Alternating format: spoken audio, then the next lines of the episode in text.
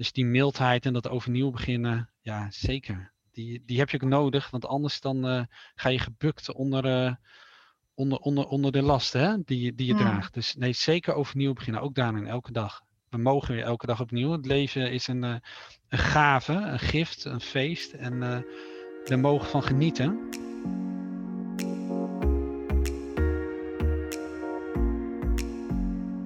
Welkom bij Opnieuw Beginnen, een podcast van Holy Hub. Holy Hub beweegt zich tussen trends, taboes en de tien geboden. Aan de hand van verdiepende vragen creëren we de ruimte om nieuwe antwoorden te vinden op eeuwenoude vragen. We kijken buiten de gebaande paden wat geloof en zingeving te bieden hebben voor de jonge stadsbewoner.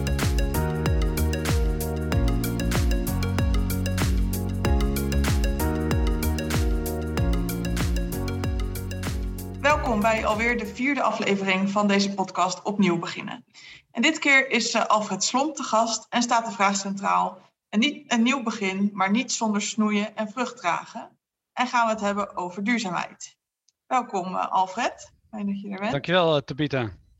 Kan je misschien kort uitleggen wie je bent en wat jij hebt met het thema duurzaamheid? Ja, mijn naam is uh, Alfred Slomp en een jaar of zes, zeven geleden ben ik samen met een vriend uh, begonnen met de workshop God in de supermarkt. Waarin wij nadenken met uh, consumenten over de vraag welke keuze je in de supermarkt maakt.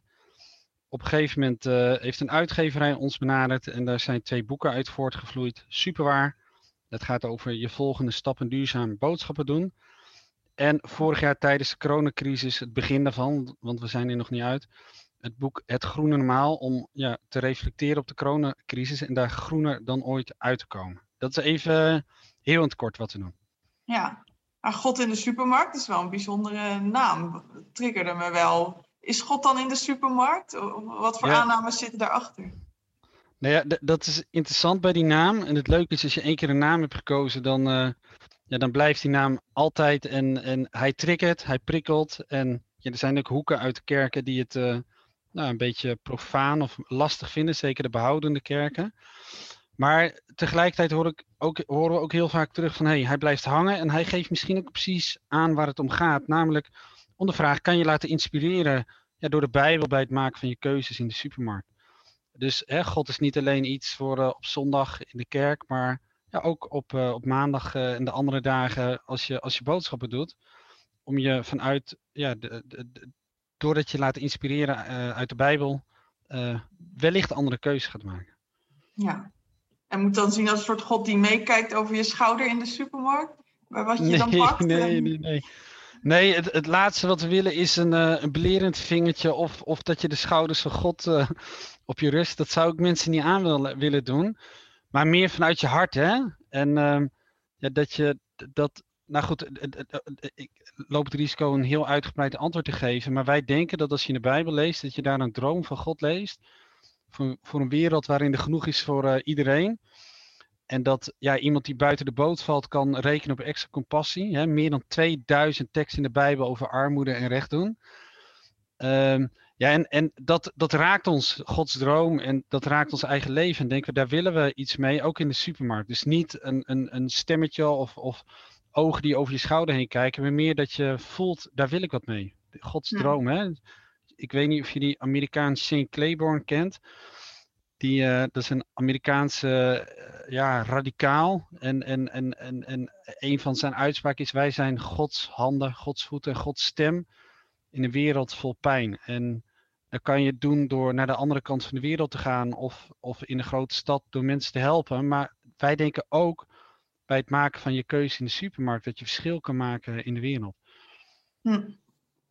En als we even uitzoomen, waarom is duurzaamheid belangrijk in de eerste plaats? Um, ja, ik kan die vraag beantwoorden waarom het belangrijk voor mij is. Hè. Ik kan natuurlijk niet voor andere mensen bepalen dat duurzaamheid voor hen belangrijk is.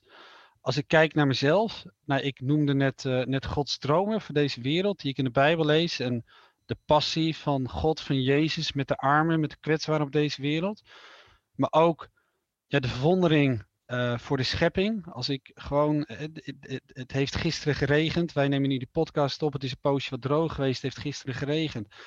en, en bij mijn tuin heb je, heb je zo'n blad en, en ja, daar valt als een waterdruppeltje op en die blijft daar liggen. Ik, eh, Maria Kelk of zo heet dat geloof ik. Ja, dat, ik vind dat zo wonderlijk. Of die, die frisse lentegeuren. Uh, het ontluikende leven nu in de lente. Ja, ik voel daar een enorme ja, verantwoordelijkheid. Maar ook, ja, dat wil ik beschermen, zeg maar. Dat, dat moeten we niet, niet, niet, ja, daar moeten we eh, zorgzaam, duurzaam mee omgaan. Dus verwondering voor Gods schepping en ja, verwondering voor zijn liefde. Dat zijn eigenlijk wel twee pijlers voor mij om duurzaamheid heel erg belangrijk te vinden. Hm. Ja, en wat is precies je missie, ook met dat God in de supermarkt? Ja, wij willen, ik denk, nou, daar ga ik twee antwoorden op geven. De eerste is om mensen na te laten denken over de keuze die ze maken. En wij zullen nooit zeggen van je moet een andere keuze maken. Um, maar er zit bij de meeste mensen best wel een verschil tussen wat ze vinden en wat ze doen. Hè? Dat noem je de behavior cap. Of uh, in de psychologie heb ik geleerd, heet dat cognitieve dissonantie. Voorbeeldje, als ik bij een supermarkt vraag aan de mensen die naar buiten komen lopen, vind je het belangrijk dat, ik noem maar wat, koeien in de wei lopen? Ik denk echt dat 100 van de 100 mensen zeggen, ja, dat vind ik belangrijk. Dat zijn de burgers. Als ik dan vraag, uh, mogen we even uw boodschappenkarretje zien, uw pak melk, vla of de roomboterkoek checken? Dat is lang niet altijd van weidemelk of biologische melk. En dat is een voorbeeld van die kloof tussen het verschil wat we vinden en wat we doen.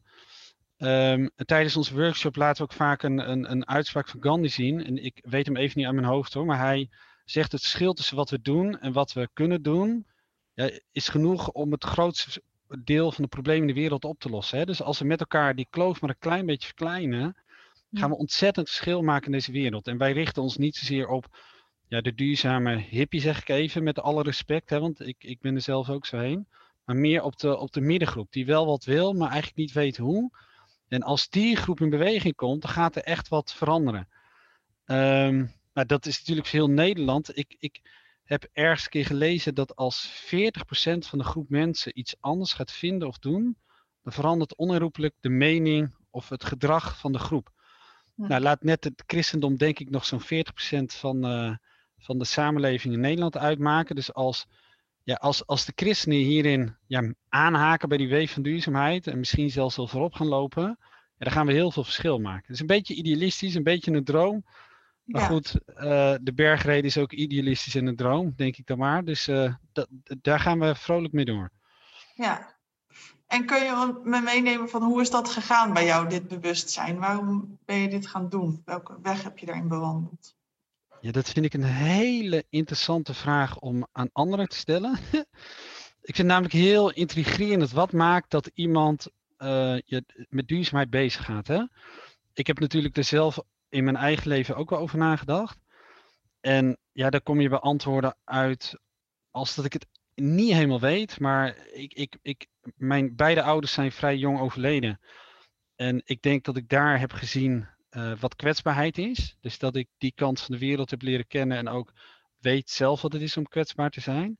Nou goed, ik ben in Nederland uh, opgegroeid en daar heb je ja, prima sociale voorzieningen en mensen die je helpen. Dus, dus die, die kwetsbaarheid. Mijn broer ging op een gegeven moment in Wageningen studeren en ja, opeens kwam ik met mensen in aanraking die aten vegetarisch en iets van wit spul. En dat was voor mij heel vreemd. Um, en, en eh, nou goed, dat, dat was een, eh, een, een, contact wat ik maakte. Ik leerde zelf in Wageningen Arjan Schoonhoofd kennen. Ja, en wij hebben wel heel veel gesprekken daarover gehad. Ja, en de ervaring leert als zo'n balletje eenmaal gaat rollen van hé, hey, maar kijk even op de plek waar je in de wereld staat. Kijk hoe kwetsbaar de wereld is. Kijk naar wat jij doet, welke impact dat heeft. Ja, dan is het op een gegeven moment ook niet meer te stoppen. Dat, dat houdt niet op bij de keuze die je maakt in de supermarkt ja, dan ga je ook nadenken over je vlieggedrag of de, de, de kleding die je koopt, de telefoon die je koopt. Um, ja, dan stopt het niet meer, is mijn ervaring. Dus uh, er zit ook een beetje gevaar in. Als je op een gegeven moment duurzaamheid bezig gaat, uh, weet waar je aan begint. Maar tegelijkertijd is het helemaal niet erg en dat vind ik. Ik vind het superleuk. En uh, um, ja, ik geef een beetje breed antwoord, maar ik wil vooral heel erg wegblijven dat duurzaamheid iets moeten is, of iets saai, of duurder, of grijze geitenwolle sokken ik, mijn leven is er alleen maar leuker op geworden. Hm. Voor iedereen eigenlijk, veel breder. Ja, ja. Nou, weet je, een voorbeeldje. Um, als je aardbeien alleen in het seizoen eet, ja, je moet jezelf natuurlijk even. Ja, er liggen nu aardbeien in de winkel. Dat vind ik best lekker. Maar goed, in de winter worden ze ingevlogen vanuit Afrika. En nu komen ze ook nog vanuit de kassen en weet ik veel. Maar als je alleen maar in de lente eet. Ja, ik weet niet hoe jou zit, maar die, uh, de eerste aardbeien van het seizoen. Het is alsof de hemel open gaat, weet je wel. Of ik heb ooit de keuze gemaakt om eigenlijk niet meer te vliegen. En lang geleden ben ik nog eens in de winter naar de zon gevlogen. Dat is echt fijn hoor, was mooi. Maar tegelijkertijd, het is nu lente en ik zie alles geleidelijk aan ontbloeien, groeien, de zon schijnen. Ja, ik, het is fantastisch. Dus door jezelf te beperken, ja, komt er ook iets heel moois voor in de plaats. Of je gaat vegetarisch eten, misschien zelfs plantaardig eten. Ja, je wordt een veel betere kok. Want ja, als je ergens spekjes erheen dondert en crème fraîche, dan smaakt het wel. Maar probeer er met zonne te koken. Dus het prikkelt ook je creativiteit. Het, het brengt zoveel ervoor in de plaats, wat heel waardevol is. Dat, uh, dat ik dat vooral heel erg zou willen benadrukken. Duurzaamheid is wat mij betreft een verrijking van je leven. En geen, uh, geen beperking of, of uh, dat je zelf iets oplegt. Hm, mooi. Ja, we hebben het in deze aflevering ook over snoeien en vruchtdragen naar aanleiding van het verhaal van Jezus, uh, die ons wil leren dat, dat in mensenleven je soms ook moet snoeien, moet stoppen met dingen misschien, met gewoontes. Maar dat je daardoor ook vrucht kan dragen of kan bijdragen aan een betere wereld. En hoe kijk jij uh, naar zo'n verhaal? Ja, mooi, mooi beeld. Sluit wat mij betreft ook aan bij wat ik net vertelde. Hè? Um, ik denk dat het beeld van Jezus van um, dat, dat als je vrucht wil dragen, dat je ook moet snoeien. En ik denk dat een van de dingen van deze tijd is, zet de, open de krant, zet de tv aan, open je smartphone, open Instagram. Iedereen roept je toe, meer, meer, meer. Dat zit bij ons ingebakken. Dat, dat is in jaren ja, van, uh, van de geschiedenis. Wij willen alleen maar meer. Dat is wat in, in onze mensheid, ja, bijna misschien wel de kern van onze mensheid is. Tegelijkertijd zie je ook... Dus zonder te willen zeggen dat mensen die, die, die obese zijn of overgewicht hebben, daar per direct schuld aan hebben of zo. Maar je ziet dat dat is wel een voorbeeld dat alleen maar meer niet altijd goed voor je hoeft te zijn. En um, dus ik denk, ja, ik vind dat een hele mooie beeldspraak, ook heel mooi hierbij passen. Dat als je jezelf beperkt, dan, ja, dan kom je jezelf tegen. Dan, um, ja, dan ga je ja, hopelijk vrucht dragen. Ja, ik, ik vind dat nogal wat van mezelf om te zeggen dat ik mezelf gesnoeid heb en vrucht draag. Dus ik ben daar een mhm. beetje voorzichtig in. Dus ik, ik, ik zeg van ja, um, als je jezelf beperkt, ga je alleen maar ook meer genieten, zeg maar. Dat, dat zeg ik even, even over mezelf. Ja, ik ken wel mensen, um, als ik voor anderen praat, ja, die denk ik enorm vrucht gedragen hebben. Ik denk aan Martine Vonk, die uh, helaas volgens mij in 2018 overleden is. Die voorvechter was van duurzaamheid. Ja, ja weet je, dat was een. In jouw boek? Ja, in het, uh, in het Groene Normale. Hè? Eh, bij de, als laatste heb ik haar man geïnterviewd. Ja, als je ziet hoeveel vrucht zij erbij gedragen heeft en van hoeveel betekenis zij voor mensen is geweest, ja, dat raakt me. Ik raakte er ontroerd. Ik, ik, ik kan me nog herinneren dat ik met haar man in Houten in die uh, ecologische uh, woning zat en met een gemeenschappelijke natuurtuin in het midden. Ja, ik, ik wilde daar per direct wonen en ik werd er jaloers om. En ze hadden daar geen hekjes en, en weet ik veel, maar gewoon één grote binnentuin. Um, ja, dus ik, ik, ik denk, zij is een heel goed voorbeeld van iemand die, die, die vrucht draagt. Moet ook denken aan uh, Jan Wolsheimer, directeur van Missie Nederland. Die, die zegt ook in dat boek, of, of of hij heeft daar zich tegen mij persoonlijk, hij zegt, mijn Fairtrade sokken die ik koop, of mijn treinreis, ja, ik belemmer daar bij mij, mijzelf in, maar het is ook mijn daad van aanbidding aan God. En uh, ja, dan zit hij daar s ochtends vroeg uh, op zondag als hij ergens moet preken op een tochtig stationnetje. Dan zegt ze mijn daad van aanbidding. Ik vind dat een hele mooie gedachte. Dat je, het, is, het is jezelf beperken, maar het is ook God groot maken. Met uh, hè, wat laat ik zien van God in mijn leven? Als ik in die zin doe wat de rest van de wereld doet, hè, door je hmm. uh, ja, maar door te gaan en door te gaan. Overigens zijn er ook heel veel niet-christenen die daar een hele grote daad van aanbidding doen, denk ik, aan God. Een heel inspirerend voorbeeld in zijn. Maar dat zijn wel de mensen die me raken en waar ik dingen van kan leren en ja, die me inspireren om nog een volgende stap te zetten. Mij laten zien dat, dat ik niet op deze wereld ben om alleen maar te leven en gevoed te worden en rijker te worden en meer spullen te hebben, daar, zit niet de vervulling van mijn leven in. Um, ja, en ik denk dat je vooral vrucht kan dragen door jezelf ja, op de armen te richten, op de kwetsbaren, op Gods schepping. En of je dat nou doet door de vluchtelingen te helpen, of door de zwervers in de stad te helpen, of in dit geval door heel erg na te denken hoe je leeft, zodat je de wereld ja, een stukje mooier of minder slecht kan maken. Ja, dat las ik ook zoiets op jullie website. Van, we laten ons inspireren door hoe Jezus omging met de armen en het behoeftigen. En waarom is juist dat zo belangrijk voor jullie, voor jou? Ik, uh, een van de, ja, de mooiste teksten uit de Bijbel vind ik de eerste toespraak van Jezus in, uh, in de synagoge in Nazareth. Hè. Daar komt hij terug bij zijn eigen geboorteplaats en dan wordt hem gevraagd om de Bijbel te lezen. En dan krijgt hij de rol van Jezaja overhandigd. Ik weet even niet welk hoofdstuk. Dat gaat over de tekst uh, dat het jubeljaar uitgeroepen wordt en dat, uh, de, uh, het, dat, dat Jezus zal komen om de, de blinden het licht te geven, de armen, de verdrukte vrijheid te brengen. En hij leest die, dit, is bijna een film wat je leest. Hij leest dat voor, hij gaat zitten, hij kijkt om zich heen hij zegt, jullie hebben nu deze tekst in vervulling zien gaan. En uh, hij had door kunnen lezen, maar hij stopt erbij. En het einde van het verhaal is dat de mensen hem willen stenigen en, en, en, en willen vermoorden. Hè. Daarmee neemt hij eigenlijk op zich dat hij zich vereenzelvigt met die armen, met die kwetsbaren. Uh, Jezus kwam hier niet om, om een koning te zijn. Je wil een koning, maar koning, een heel andere koning. Hè? Hij kwam hier niet om om, om het mannetje te zijn. Of, of, of eh, hij liep in, in, bij arme mensen op plekken, uh, eh, kleine dorpjes in, in, in Israël. Dat was zijn podium. En daar kwam hij om het koninkrijk van God te vertellen.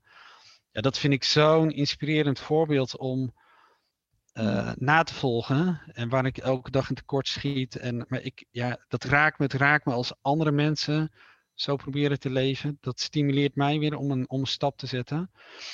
En uh, ja, om elke keer weer te kijken, en dat vind ik zo, wat ik net zei van Shane Claiborne, zo mooi, van wij zijn ja, Gods stem in een wereld vol pijn. Hè? Zijn handen en voeten, hij heeft het uit handen gegeven aan ons. En wat doen we ermee? Ga ik er drie keer per jaar van op vakantie of pak ik die handschoen op en uh, probeer ik met vallen en opstaan ja, daar een, uh, een, een rol in te vervullen? Ja, ja, inderdaad. En wat maakt uh, dat christen zijn dan, dan uit? Kunnen nou, niet-christenen niet net zo goed zich inzetten voor duurzaamheid en een betere wereld? Ja, de pijnlijke realiteit is dat de gemiddelde christen achterloopt. Hè? Dus uh, ja. ons past heel erg bescheidenheid als wij het over duurzaamheid hebben. Je ziet wel een inhaalslag uh, bij christenen. En ik, ik, als ik puur kijk naar mijn eigen workshop, het verschil tussen aan, aan het begin en het eind, hoe vaak je wordt uitgenodigd en ook meer in evangelische kringen waar het minder bij speelde. Dus ik, ik, je ziet dat het meer gaat leven in, in kerken en onder christenen. Ja, en zeker. Christenen zijn nou niet per se de groep mensen die altijd vooruitlopen in verandering. En, uh, helaas niet. Helaas ook wel stug kunnen zijn.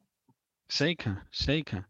Nee, dus, dus eh, niet-christenen kunnen zeker uh, uh, met duurzaamheid bezig zijn. Dus nogmaals, hè, ons pas bescheidenheid. Want ja, kijk, je kan gewoon geraakt zijn door, door de schoonheid van de natuur. Hè?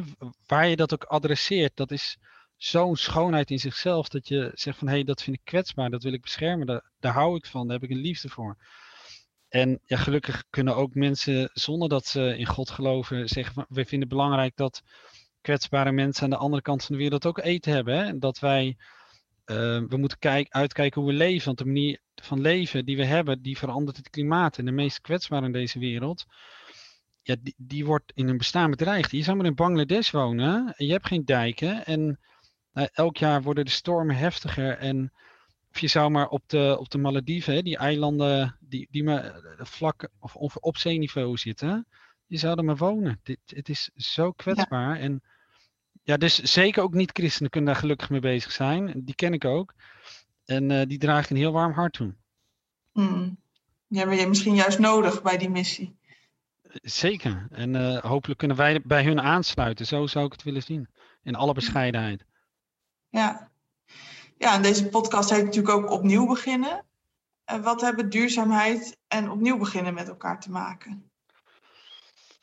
ik denk als je kijkt naar de manier hoe wij leven, dat het niet vol te houden is. Hè? En we hebben al een paar keer het groene normaal uh, aangestipt. En vorig jaar in, in 2020 toen corona in Nederland voet aan de grond kreeg. Wat mij toen opviel, viel een paar dingen op. Hè. We, gingen met z'n allen binnen zitten, toen bleven we wel goed binnen. En binnen de kortste keren kwamen zulke wonderlijke verhalen over herstel van natuur. Ik weet niet of je nog kan herinneren, die, het water in Venetië wat helder werd. Uh, je had die dieren die tot in de wilde steden, of de wilde dieren die tot in de steden kwamen. Ik herinner me een bericht uit India waarin mensen voor de eerste 30 jaar de Himalaya weer konden zien. De omwonenden van Schiphol die weer echte vogels konden horen en weer door konden slapen s'nachts. Dat was zo'n mooie eye-opener vond ik van hé, hey, maar de manier hoe we nu leven kan niet. En ik heb toen Carla Dick ook geïnterviewd voor, uh, dit, is een man, ja, van de ChristenUnie. Dit is een, uh, manifest uitgekomen, te Groene Normaal, wat, wat hopelijk nog zoveel mogelijk nog steeds kunnen ondertekenen. Uh, maar ook een boek bijgekomen. Daar heb ik tien mensen geïnterviewd. Waaronder Carla Dick. En zij zei dat heel mooi. Zij zei: De manier waarop wij nu leven is niet volhoudbaar. Ik moest even die term tot me door laten dringen. Ik dacht: nee, het is niet volhoudbaar. Dat, dat zeg je heel treffend. Dus hoe wij leven kan niet langer. En corona is als soort lakmoesproef, hè, laat zien legt de weeffouten bloot dat het anders moet. Dus nou, dat is ook een hele grote missie van mij. Van jongens, zeker ook christenen, kijk naar corona. De manier van leven kan niet. De, uh, corona is, is, is niet uit de lucht komen vallen. Er wordt al jaren gewaarschuwd voor een pandemie. En zonder daar veel te diep op in te gaan, ja, uh, kijk, dat virus, wij kunnen in 24 uur de wereld overvliegen, maar het virus kan dat ook, hè? er wordt al jaren gewaarschuwd dat met het afnemen van de biodiversiteit, dat dieren in contact kunnen komen, wilde dieren in contact komen met de mensheid. En ja, er zijn er miljoenen virussen in, in diepe regenwouden verborgen die over kunnen dragen. Dus we kunnen twee dingen doen. We kunnen vaccins gaan ontwikkelen en, uh, en zo snel mogelijk doorgaan hè, naar het oude normaal. Of we kunnen dit als een wake-up call zien en denken van ja, maar deze manier, die gaat niet goed. We hebben kinderen, we hebben onze eigen leven, de toekomst, we hebben de aarde hè, geleend van onze kinderen, zoals een hele mooie uitspraak is. Ik heb drie kinderen. Hoe willen wij deze wereld doorgeven aan de generatie na ons? Nou, niet op deze manier. Dus wat mij betreft naar een andere manier van leven, naar een, een, een groene maal hebben we dat genoemd. Dus uh, ja, als er iets aanraakt bij overnieuw beginnen, is het wat mij betreft duurzaamheid.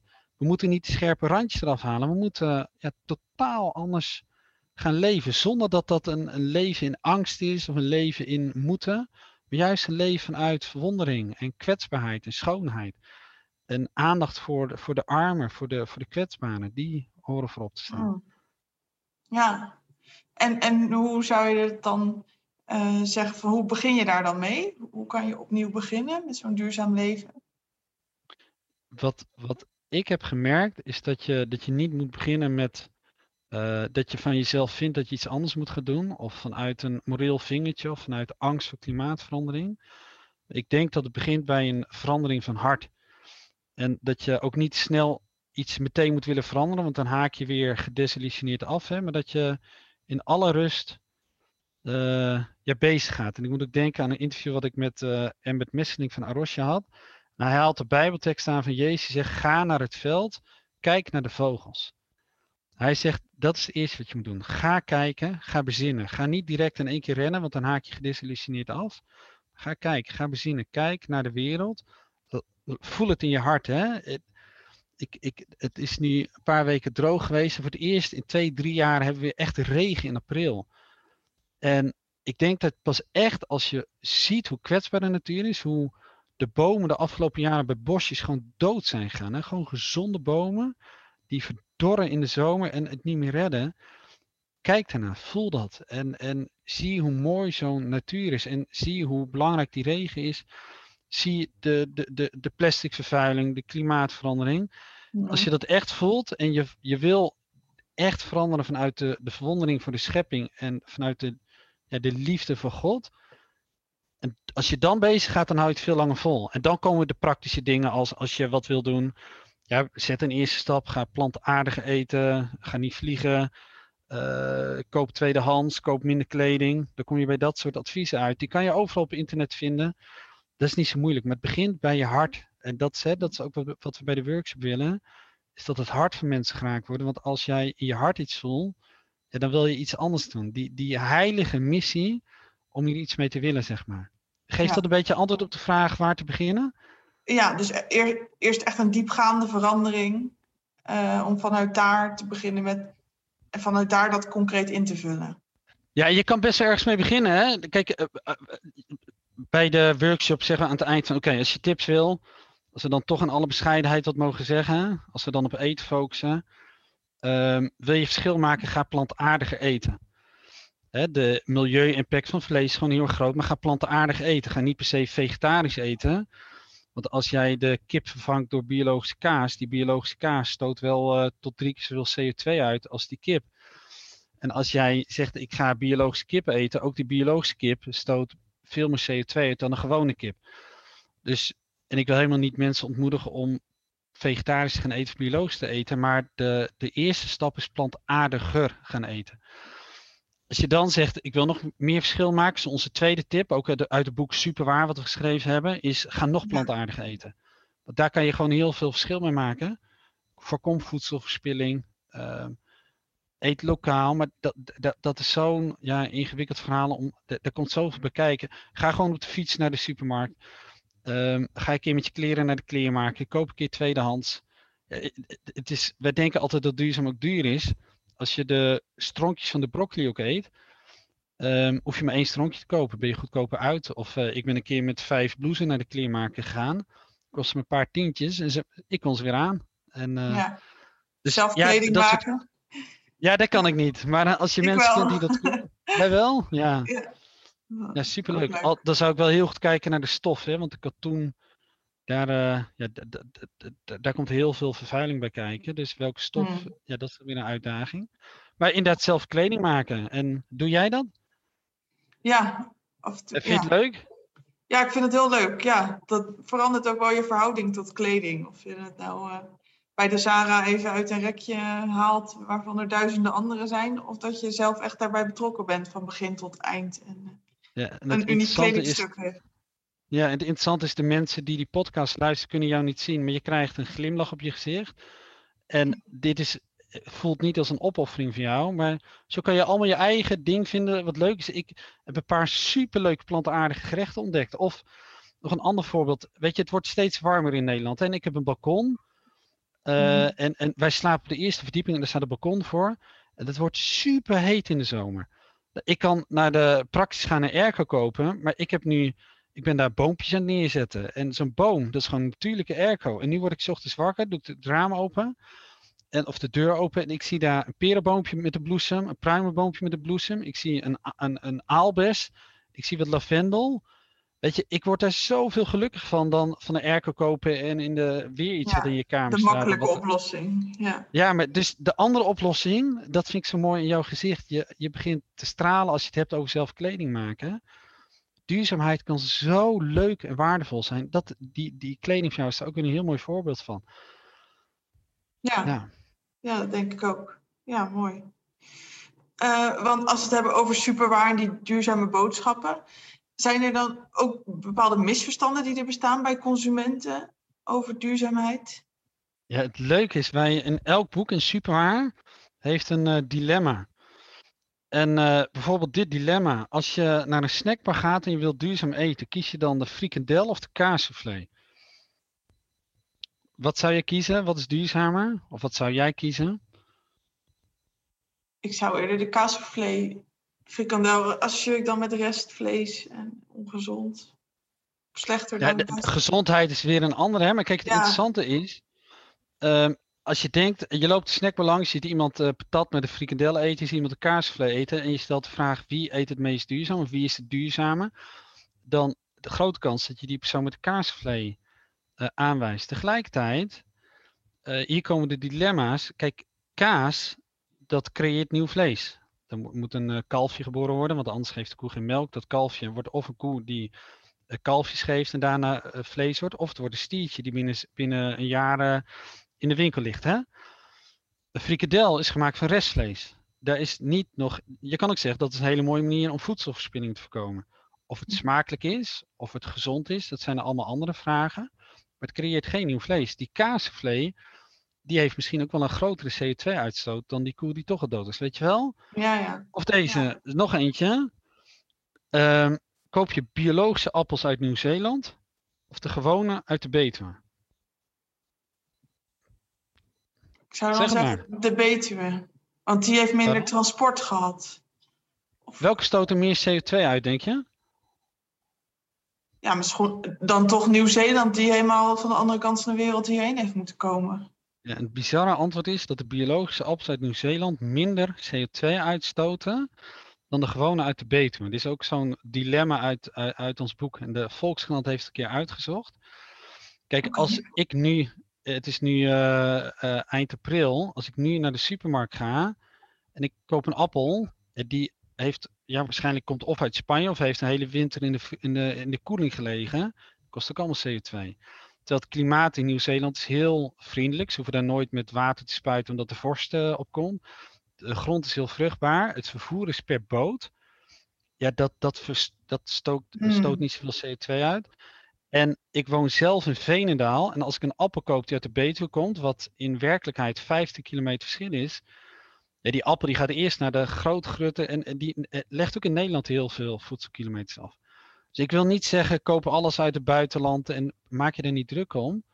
Voedselkilometers maken vooral verschil als het per vliegtuig aangevoerd wordt. En dan zit je bij heel kwetsbaar fruit in de winter, dus de aardbei in de winter. Ja, daar kan je heel veel verschil mee maken door dat niet te kopen. Echt het belangrijkste verschil wat je kan maken is door plantaardige geur te gaan eten. En Hm. ehm, ze zeggen ook wel eens, je kan beter op de fiets naar de supermarkt om een courgette uit Argentinië te kopen. Dan met je auto naar de lokale boer om daar een courgette te kopen die daar uit de grond komt. Want je eigen voedselkilometers maken echt, echt heel veel verschil. En dat zijn wel dingen waar, eh, ja, waar misverstanden in kunnen zitten, wat dilemma's zitten, waar ook heel veel verschillende meningen over zitten. Hè? Want mensen kunnen er ook wel anders over denken. Maar dat zijn even twee dilemma's, twee misverstanden die even direct bij mij naar boven komen. Ja, Ja, en dus de biologische kip, hè, die meer CO2 uitstoot dan de gewone kip. Oh, dat is een ongemakkelijke waarheid. Ja, Ik, ik vind zelfs die, die, die kippen. Ik, ik heb daar moeite mee met, met, met, met de reguliere kip, met het dierenwelzijn.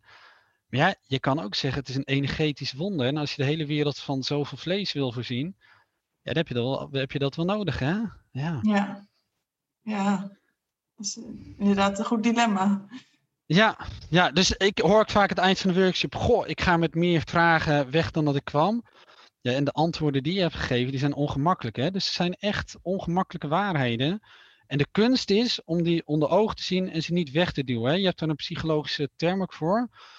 Eh, welwillende onwetendheid, willful ignorance. Dat vind ik een hele mooie term. En ik had een keer iemand bij de workshop. We hadden het over chocola en ik liet, we lieten een filmpje zien over eh, kinderarbeid. Zij, zij bracht die term willful ignorance zo mooi in beeld. Ze zei, jarenlang, ik wist. Ik kwam de supermarkt in en ik wist er zijn problemen rondom arbeidsomstandigheden. Maar ik duwde dat weg, ik blokte dat. En de kunst is om ook dit soort ongemakkelijke waarheden. Je kan er twee dingen mee doen. Je kan zeggen, hé, hey, dat verlamt me, ik stop dat weg. Je kan zeggen, ik kijk de, de, het, het, het beest in de ogen, zeg maar. En ik, ik ga er wat mee doen. En liever de ongemakkelijke waarheid in de ogen kijken en een stap zetten, dan wegkijken. Dat, dat, ja, ik Hm. hoop niet dat mensen lamgeslagen weggaan en denken, ik doe helemaal niks meer. Zeggen, oké, hier wil ik wat mee. En ik ben niet volmaakt en ik doe het niet perfect. En, maar als we met z'n allen, ik heb wel eens gelezen dat als we heel Nederland twee keer per week vegetarisch gaat eten, dat we de klimaatdoelstelling van Parijs halen. Hè? Dus we maken, kunnen met elkaar zoveel verschil maken als we een stap zetten. Dus Ja. beste luisteraar, laat je niet verlammen. Zet een stap en het wordt ontzettend leuk en eh, je gaat heerlijk leren koken. Ja. Mooi, ja. Want je zei ook al een beetje van het kan ook snel een soort moeten worden. En hoe voorkom je dat? Wan- Wanneer is het dan goed genoeg? Ja, oh, dit is een zo'n ingewikkelde vraag. Ik probeer altijd te balanceren tussen eh, het jezelf niet te makkelijk te maken. Want beste mensen, de waarheid is gewoon ongemakkelijk. We hebben nog een aantal jaar om klimaatverandering te stoppen. En anders eh, is er niet meer te stoppen. Hè? En wij mensen vinden het ontzettend moeilijk om iets wat ver weg een probleem zou kunnen worden, of een probleem gaat worden, onder ogen te zien. Hè? Als er nu een leeuw voor me staat, dan schrik ik, dan reageert mijn lichaam, dan ren ik weg. Dan kom ik in actie, maar onze lichamen zijn niet toegerust om in actie te komen voor een probleem wat zich in de toekomst speelt. Dus het eerste is mijn ene kant waar ik, waar ik, waar ik, wa- wat ik telkens wel onder ogen wil blijven zien, is de problemen zijn gewoon heel serieus. Hè? Het Seaspiracy, mm. die documentaire, die is nu helemaal hot op dit moment. Het, het is ongelooflijk wat wij de aarde voor geweld aan doen. En er gaan elke dag zoveel mensen nog dood van de honger, wat niet nodig is. Dat is één. De andere kant van de Balanceer Act is uh, dat je vlamt. En uh, dat, je, dat je denkt, ja, maar het gaat me toch nooit lukken. En ik, ik feest er maar op los, want het gaat toch niet lukken ik denk dat voor mij een middenweg, een geitenpaadje, um, erin zit, is als ik geloof dat God ooit deze aarde zal vernieuwen, um, dan gaat God dat doen, niet ik. Um, maar God zal niet de wereld vernietigen, nieuwe wereld creëren. Hij zal de wereld vernieuwen. En ik kan nu als klein radertje onderdeel zijn van Gods grote plan. En ik hoef me niet over alle grote dingen zorgen te maken. Ik kan doen wat ik kan doen. Um, en ik ben onvermaakt. En dus ik probeer telkens. Ja, ik ben onvermaakt. En ja, ik, ik ga. een voorbeeldje, ik, ik ging drie keer per jaar op vakantie. En ik heb gevlogen. En de laatste jaren ga ik één keer per jaar op vakantie. Voordeel, ik geniet ontzettend als ik op vakantie ga. Voordeel, um, ik geniet veel meer van de natuur in Nederland. Voordeel, ik heb veel minder stress, want al die vakanties leveren ook stress op. Um, dilemma is, ik kan ook niet op vakantie gaan in die 2000 euro of wat het ook kost, gewoon overmaken aan een hulporganisatie. Um, ik doe het wel. Ik probeer dus hè, minder op vakantie te gaan, die spanning te voelen, telkens die spanning te voelen. Ja. Van wat doe ik daarmee? En dat wel dat die confrontatie met jezelf wel aangaan. Vanuit bepaalde ontspannenheid dat ik niet deze wereld ga vernieuwen, maar dat God dat ooit gaat doen. Hmm. Ja. Zoiets? Ja, nee, dat klopt wel, ja. En kan je dan ook weer opnieuw beginnen als het even niet lukt? Dat is uh, het mooie. Hè? Jezus uh, was een inspirerend voorbeeld. Um, met, met kijken naar de armen en de kwetsbaren. Nou, ja, en ik, ik vind ook de, de Bijbelse term genade. Uh, het is een beetje een oude term. Ik vind het toch heel mooi. Er zit mildheid in. Er zit, ik ben ook maar kwetsbaar en onvermaakt. En het, het, zal me ook nooit lukken. En daar hebben we, hebben we God ook gewoon voor nodig.